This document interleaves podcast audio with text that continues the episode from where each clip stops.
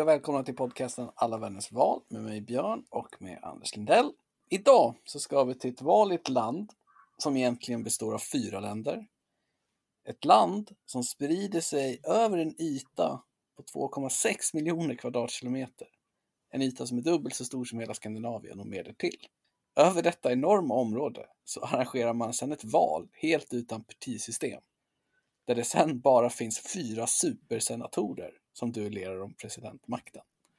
Idag så ska vi till Mikronesiska federationen. Och vad har vi på dem, Anders? Ja, det är alltså en ögrupp i Stilla havet där det bor ungefär 100 000 personer och, eh, och som då arrangerar det här valet till sin, till sin lilla kongress. Det är alltså som du sa fyra supersenatorer som är de som eh, representerar var och en av de fyra delstaterna i Mikronesien och sen så är det tio senatorer som representerar valdistrikt som då finns på olika delstater. Och de här fyra supersenatorerna är redan valda för de är på fyraårsmandat. Så att vi kommer fokusera Vi har, det, vi har midtermsen på... i Mikronesien kan man säga. Exakt. Men om du skulle berätta för lyssnarna, vart ligger federationen Mikronesien på kartan? Ja, eh, till att börja med så ligger, är ju federationen Mikronesien en del av ögruppen Mikronesien, som ju alltså är ett större område. Den enklaste liknelsen är att det är som Amerikas förenta stater är ju inte hela Amerika och på samma sätt så är Mikronesiens förenta stater inte hela Mikronesien. Och Mikronesien är då en av de etnografiska områdena eller en av ögrupperna i eh, Stilla havsöarna. De andra är då Polynesien och Melanesien. Det är lite roligt, alla de här namnen är ju det är ju inte så att invånarna själva kommit på de här, utan de är ju, det är ett sätt för kolonisatörer att sortera dem. Alltså Mikronesien betyder ju de små öarna, Polynesien de många öarna och Melanesien de svarta öarna.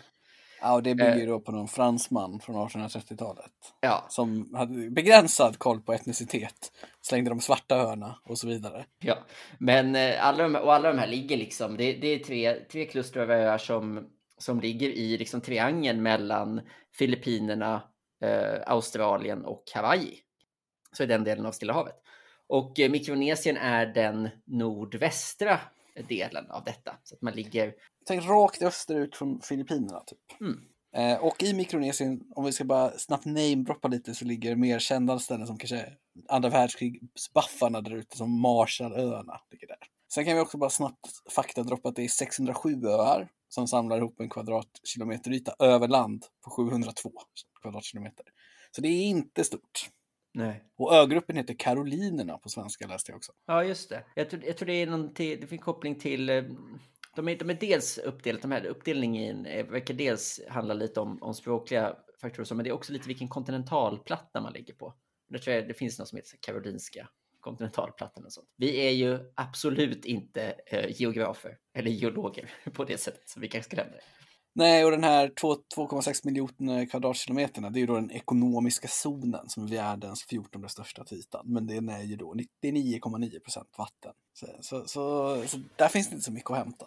Jo, det finns det väl. Det finns mycket fisk. Ja, vad jag förstått så, så är det en ganska stor intäkt att de, att de säljer fiskrättigheter till andra länder. Det är lite natural resources, det är lite fisk och det är lite, lite turism i vanliga fall.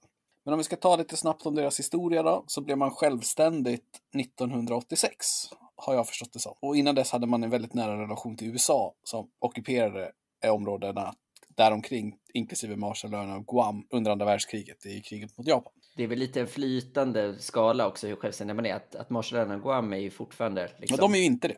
Riktigt. Exakt, de är inte självständiga utan de är en del av USA och Mikronesien och eller Mikronesiska federationen då har ju glidit ur USA som självständig nation, men har ju ändå fortfarande ett väldigt nära eh, samarbete. Så jag tror till exempel att de har mer eller mindre fri rörlighet i USA och att det är ömsesidigt. Ja, de kan inte flytta dit och grejer. Och sen den amerikanska flottan är ju liksom, de betraktar ju Mikronesien som sitt område. I alla fall, supersnabb liten historisk inblick. Befolkat för 4000 år sedan. Någon högkultur rattade ett tag. Sen kom portugiserna. De var inte intresserade. Men spanjorerna slog till och styrde området från Filippinerna i sitt nya Spanien där. Eh, men i slutet av 1800-talet så fick spanjorerna ont om cash. Då sålde man området till Tyskland och då ingick man i tyska Nya Guinea. Sen blev det ockuperat av Japan som tog det som ett mandat. Och sen så slängde amerikanerna ut dem. Och idag är de då fyra stycken länder, som, eller öar, som bildar eh, federationen. Och då snabb fråga till dig Anders. Vilka fyra är de här då? De två största är Chuuk och Pohnpei. Och sen finns det två mindre stater som heter Japp och eh, Kos Kosrai. Vad fan vad sugen man är på att dra till Jappen då, om man fick välja av de här. ja, jag tycker Pompeji verkar till. Där, där tror jag det finns eh, mer så här av... eh, Jag tror att det har lite varit så här högsätet. Och, men man kan säga att de här, fyra, eh, de här fyra delstaterna, då, de har ju liksom ganska separat historia vad jag förstår. Det finns ganska olika. olika språk och så. Så det är verkligen en, en federation av de fyra. Det är då andra länder som Palau som ju ligger i närheten, som är också en mikronesisk stat. De valde ju att inte ingå i, i den här federationen när den startade. Nej, precis. Och huvudstaden är ju på Pompeji, tror jag. Mm. Men Chuuk verkar vara ön med, där typ hälften av folket bor och de här är då den största fo- folkgruppen och sådär. Men det, det ligger väldigt långt ifrån varandra, några av de här öarna ska man säga. Alltså väldigt, väldigt långt i meter. Ja, ja, verkligen. Ja, men om man ska vi glida in lite på det politiska systemet då, för det är ju riktigt intressant. Det är roligt med den här podden är ju att man stöter ju verkligen på olika politiska system och man Ja. inser hur mycket det ändå skiljer sig av mellan olika demokratier. Så vad har du här? Ja, man har alltså ett, eh, ett enkammarparlament som man kallar sin kongress. Jag tror att det kallas kongress, men att alla egentligen kallas senatorer, de som sitter där. Och lite som vi nämnde då så finns det alltså fyra senatorer som väljs från en från varje delstat på fyra års mandat, kallas senators at large och liksom samlar hela delstaten. Och sen är det från de fyra senatorerna man väljer president. Så det finns alltså inte en direktvald president, utan eh, det är ett indirekt val till den av de fyra senatorerna som, eh, som väljs. Eh, och, så, och så får man då ett fyllnadsval efter det från den, den av dem som, som det blev. Och eh, sen så utöver det så finns det alltså på öarna lite baserat på storlek då, så att som vi nämnde så är Chuuk och Pompeji de, de två större delstaterna. Där har man några fler platser då för att fylla, fylla upp det och på de andra så har man liksom lite färre. Det är väl en eller två på de andra, så det blir totalt 10 extra. Det gör att eh, liksom, den totala kongressen består av 14 personer, vilket alltså bara är marginellt större än den regering man har som består av 11 personer. Så lite speciell dynamik. Ja, det är ju väldigt intressant och, och då ska vi säga att det finns ju då inget partisystem här. Nej, alla väljs som independents. Och just det här valet verkar väldigt odramatiskt, men det har varit lite action i mikronesisk politik för förra valet 2019, för då lyckades faktiskt eh, han som nu är president, som dessutom är utbildad statsvetare, vilket ju du gillar Anders, du känner ju alltid samhörighet med, det- med statsvetarna. Våra, våra bröder. Han skulle vinna sin andra term som president, men förlorade med typ 12 röster i sitt senatorsval och blev av med det. Och lite sådana grejer. Eh, Precis, så att på ett sätt är det lite så att om man vill utmana en president så verkar det lätta sättet vara att liksom spöa honom i första steget Ja, det verkar ju vara vägen i, i senatorsvalet snarare än att, än att vinna bland de fyra senatorerna. Men som sagt, nu är, det, nu är det midterm så det är bara tio platser som ska bytas ut. Och eh, Anders har spenderat eh, en ansenlig mängd tid här på att gå igenom alla kandidater till alla platser. En lördagkväll jag inte får tillbaka. Och också det är valet som vi kommer bjuda på den här typen av service. Ja, verkligen, att, att lista varenda en. Men det är ju då lite lättare. Man tror som det bara är 14, 14 valkretsar och i flera av de här valkretsarna så är det bara en kandidat. Så att eh, från Japp till exempel, den ön, där finns det bara en kandidat och där vet vi vem som kommer vinna. Det är en man som heter Isaac V. Figer. Jag kommer inte läsa alla namn, det blir, blir vansinnigt. Men han, grattis till honom, han kommer vinna oavsett. Det är lite min, jag känner att det är lite min kille också, men Ja, ja det var ju ett, eh, ett säkert val av dig eftersom han då kör ohotad. Eh, jag sa ju förut så här att om man vill utmana president så kan man utmana honom i ett val. Jag könade ju presidenten här, vilket kanske framstod som lite omodernt i ett, eh, ett system som ändå har allmän och, och lika rösträtt. Men man kan ju konstatera att det är uteslutande män i eh, Mikronesiens kongress idag. Och av alla kandidater så är det en enda kvinna. Så vi kan ju göra en liten en shoutout till henne. Det är Marstella E. Jack som kandiderar i Pompeis tredje distrikt. Det är möjligt att det har suttit någon tidigare. Vi har inte gjort så stora historiska efterforskningar, men hon har i alla fall möjlighet att bli den första kvinnan just eh, nu. Jag ser här i dina anteckningar att i Chuks andra distrikt så finns det lite kontrovers. Ja, det är väl där. Det finns två egentligen distrikt där man kan se att det kan hända någonting. Och i Chucks andra, där kandiderar man som heter Johnson Elimo och han är nu eh, guvernör för delstaten Chuk. Det är ett ganska tungt ämbete och han utmanar en, en man som heter Victory Vicky Gourmand. Hans smeknamn Mick- Vicky står alltid med. Jag kan tycka att heter man Victory Gourmand, det är ett ganska snyggt namn så eh, tycker inte jag man behöver något smeknamn, men det är väl upp till honom. Han har haft en liten kontrovers omkring sig därför att han, han har anklagats för att pressa utrikesdepartementet att ge hans bror en, en tjänst som han inte ska ha varit kvalificerad för, men ändå fick. Någon typ av utrikespolitisk position på Hawaii. Och det är väl en ganska liksom tung, eftersom man har den här täta kopplingen till USA så är det, så det är ganska viktigt. Eh, så, att, så att där, där har funnits en liten en spänning då, att en, en ganska stark etablerad kandidat utmanar en ganska, en ganska kritiserad kandidat eh, och sittande person. Det, det verkar ju vara så här att de här, sitter man så sitter man. Om vi tittar på de här Ja. som var presidenter nu, så har ju han kört liksom, han har ju vunnit val 2011, 2013, 2015, 2017 och 2019. Mm. Och han som var president innan, han har liksom vald redan till den första kongressen 1979, Mm. innan från självständighet.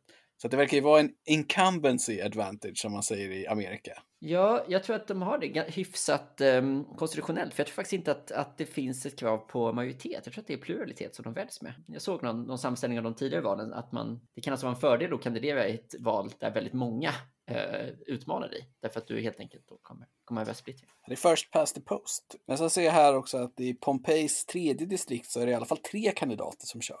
Ja, där har vi, där har vi en tredje kandidat och där, där har vi också att det, det är några som har suttit tidigare. En man som heter Bernie Martin har suttit eh, tidigare och kom in 2011 och satt sen två mandatperioder innan han blev petad av eh, Dion G. Neff. Och eh, han eh, har inte uppdaterat sin LinkedIn-profil sedan dess. Och hans LinkedIn-profil är det bästa sättet att få eh, information över honom. Ingen av de här kandidaterna, åtminstone de jag har försökt söka på, har någon slags jättemedial framtoning eh, i internationell press i alla fall. Dion Gennett hade ju 113 Instagram-followers. Så han har ju Mm. ändå en plattform som är island-wide eventuellt. Ja, absolut. men eh, eh, ja, men det, det om kandidaterna då. Vi får väl, vi får väl eh, om man mot förmodan får ett sug efter, efter att följa det här valet så kan man ju säga att kolla in Marstella Marcella E. Jacks framfart i Pompeis ah, tredje distrikt och kolla in Chuks andra distrikt. Om man ska valvaka så är det tipsen. Ja, så är det. Men eh, av stora politiska frågor som, eh, som vi gärna försöker få ett hum om, då är det nästan så att den största frågan de senaste månaderna har, har inte handlat så mycket om saker som kontrolleras i det här valet, utan har varit utrikespolitisk. Ska vi gå in lite på den? Ja, för det finns faktiskt en jättefråga här som är spännande. Det handlar om eh, Stilla havsöarna som vi nämnde förut, alltså Melanesien, Polynesien och Mikronesien.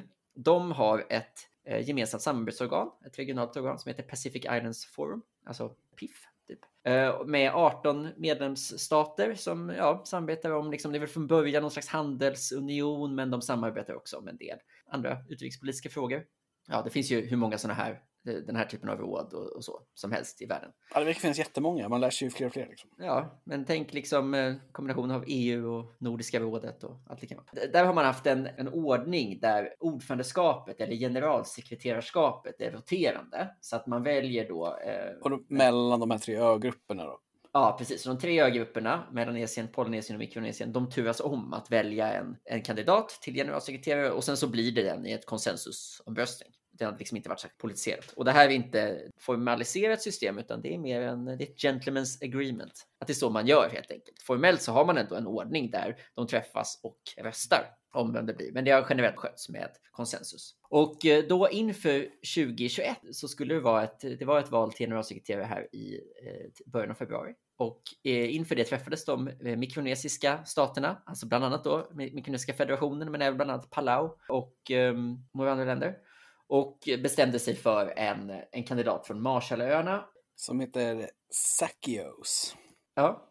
Eh, Och de var så här, "Ja, men det här är vår, det här är vår kille, vad kul det ska bli att det äntligen är vår tur att ha generalsekreterarskapet. Han kandiderade och allt var frid och fröjd. Det som först hände då var att eh, valberedningen till det här valet valde att skjuta upp deadline. Det hade kommit in en kandidat från de som hade turen så att säga, men de valde att skjuta upp deadline för kandidaturstoppet. Och det är ju alltid ett dåligt tecken om man har kandiderat till ett uppdrag. Alla som har varit med i ideell förening vet att det är, liksom, det är det första tecknet på misstroende, att man liksom vill ha in fler kandidater när, när det ändå finns några som är kvalificerade. Och eh, till slut så kommer det också in en ny kandidat. Och Nämligen- det är ju då en power player. Ja, Cooköarnas gamla premiärminister Henry Puna kandiderar. Och då är det alltså Polynesien som kommer med en starkt kort. Exakt, eh, så att Polynesien utmanar då, och man kan ju säga att Polynesien är ju också kanske liksom lite starkare eh, spelare, liksom. alltså lite större länder, lite mer i allmänhet kanske, kanske har mer, mer makt på, på fler sätt. Det, det går helt enkelt till en, till en omröstning mellan de här två. Då vann då Henry Puna med 9-8 mot eh, mikronesiska kandidaten. Och det här gjorde staterna i Mikronesien så sura att de, de reagerade med att lämna. Ja, de känner sig mobbade och inte tagna på allvar, för de är ju minst liksom. Ja, och eh, Palaus president har eh, nyligen skrivit en debattartikel i The Guardian om vad det här betyder för samarbetet i Stilla havsregionen eh, och så. Det kan, den kan man läsa om man vill få en bild av liksom, att det här ändå är väldigt känslomässigt. Och han gör just den här kopplingen till att de är minst och liksom att eh, syskon ska hålla ihop. Då kan man ju snabbt berätta att i Polynesien så är ju Nya Zeeland eh, powerplayern. Många av eh, länderna i Polynesien är knutna till Nya Zeeland frivilligt som stater bland annat och så. Så att Nya Zeeland är powerplayen i Polynesien. Australien är powerplayen i Melanesien. Och Mikronesien, de, de har liksom kanske nära band till USA och så, men de har inte liksom samma, samma styrka. Nej, just det. Men vet du vem som anklagas av Mikronesien för att ha förstört för dem? Primärt. Eh, nej, kan det, vara, kan det vara Trump? Nej, nej, det finns ju ett land i världen som ska lägga sig i sin lilla helvete och tar på sig en större dräkt än de kanske har. Och det är ju fransmännen som är här. Mm -hmm. För fransmännen eh, har fått komma in i värmen här då två franska delstater som ju då är Nya Kaledonien och franska Polynesien, de gick med i PIF 2016. Och enligt eh, det jag har förstått från lite mikronesiskt håll så är det ju då de här som har stökat till det. Eh, och då kom de ju då in med support av Australien och Nya Zeeland, de stora länderna. Så, så oredan i PIF och oredan i Mikronesien skyller jag då Björn Vänster från alla världens val på Frankrike. Som vanligt. Det är Macron som är där och härjar. Men det här är alltså en jättefråga lokalt. De har alltså lämnat sin motsvarighet till EU då och känner sig liksom förtryckta. Ja, på grund av det här brutna handslaget helt enkelt. Inga formella fel har ju begåtts utan det är ju, en, det är helt enkelt en, en värderingsfråga. Här. Kommer vi sätta etiketten mikroexit här? Mikroexit. Det här är då tyvärr ingen valfråga i landet och så, men det, det är Nej, men det är ändå vår bedömning att hamnar man eh, i när, när coviden är över och man kanske reser någonstans och så hamnar man på tåg eller ett plan bredvid någon från Mikronesien och vill påbörja ett, ett politiskt samtal, då är nog vårt tips att ändå det här ligger nog närmare till hans. Eh, man briljerar på en bar i Pompeji.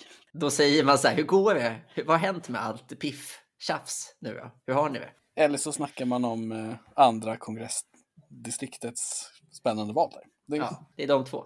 Ja, I alla fall det här valet är då, när är det förresten? Eh, det här avsnittet kommer förhoppningsvis ut måndag den 1 mars och det här är då imorgon den 2 mars. Oj, det är väldigt tajt. Spännande, spännande. Okej, men då tackar vi för Mikronesien tror jag. Har du någon sista spaning på det? Nej. För då ska vi ta en liten paus och sen kommer vi tillbaka och så ska vi dra ett snabbt svep med återkoppling till de tidigare avsnitten.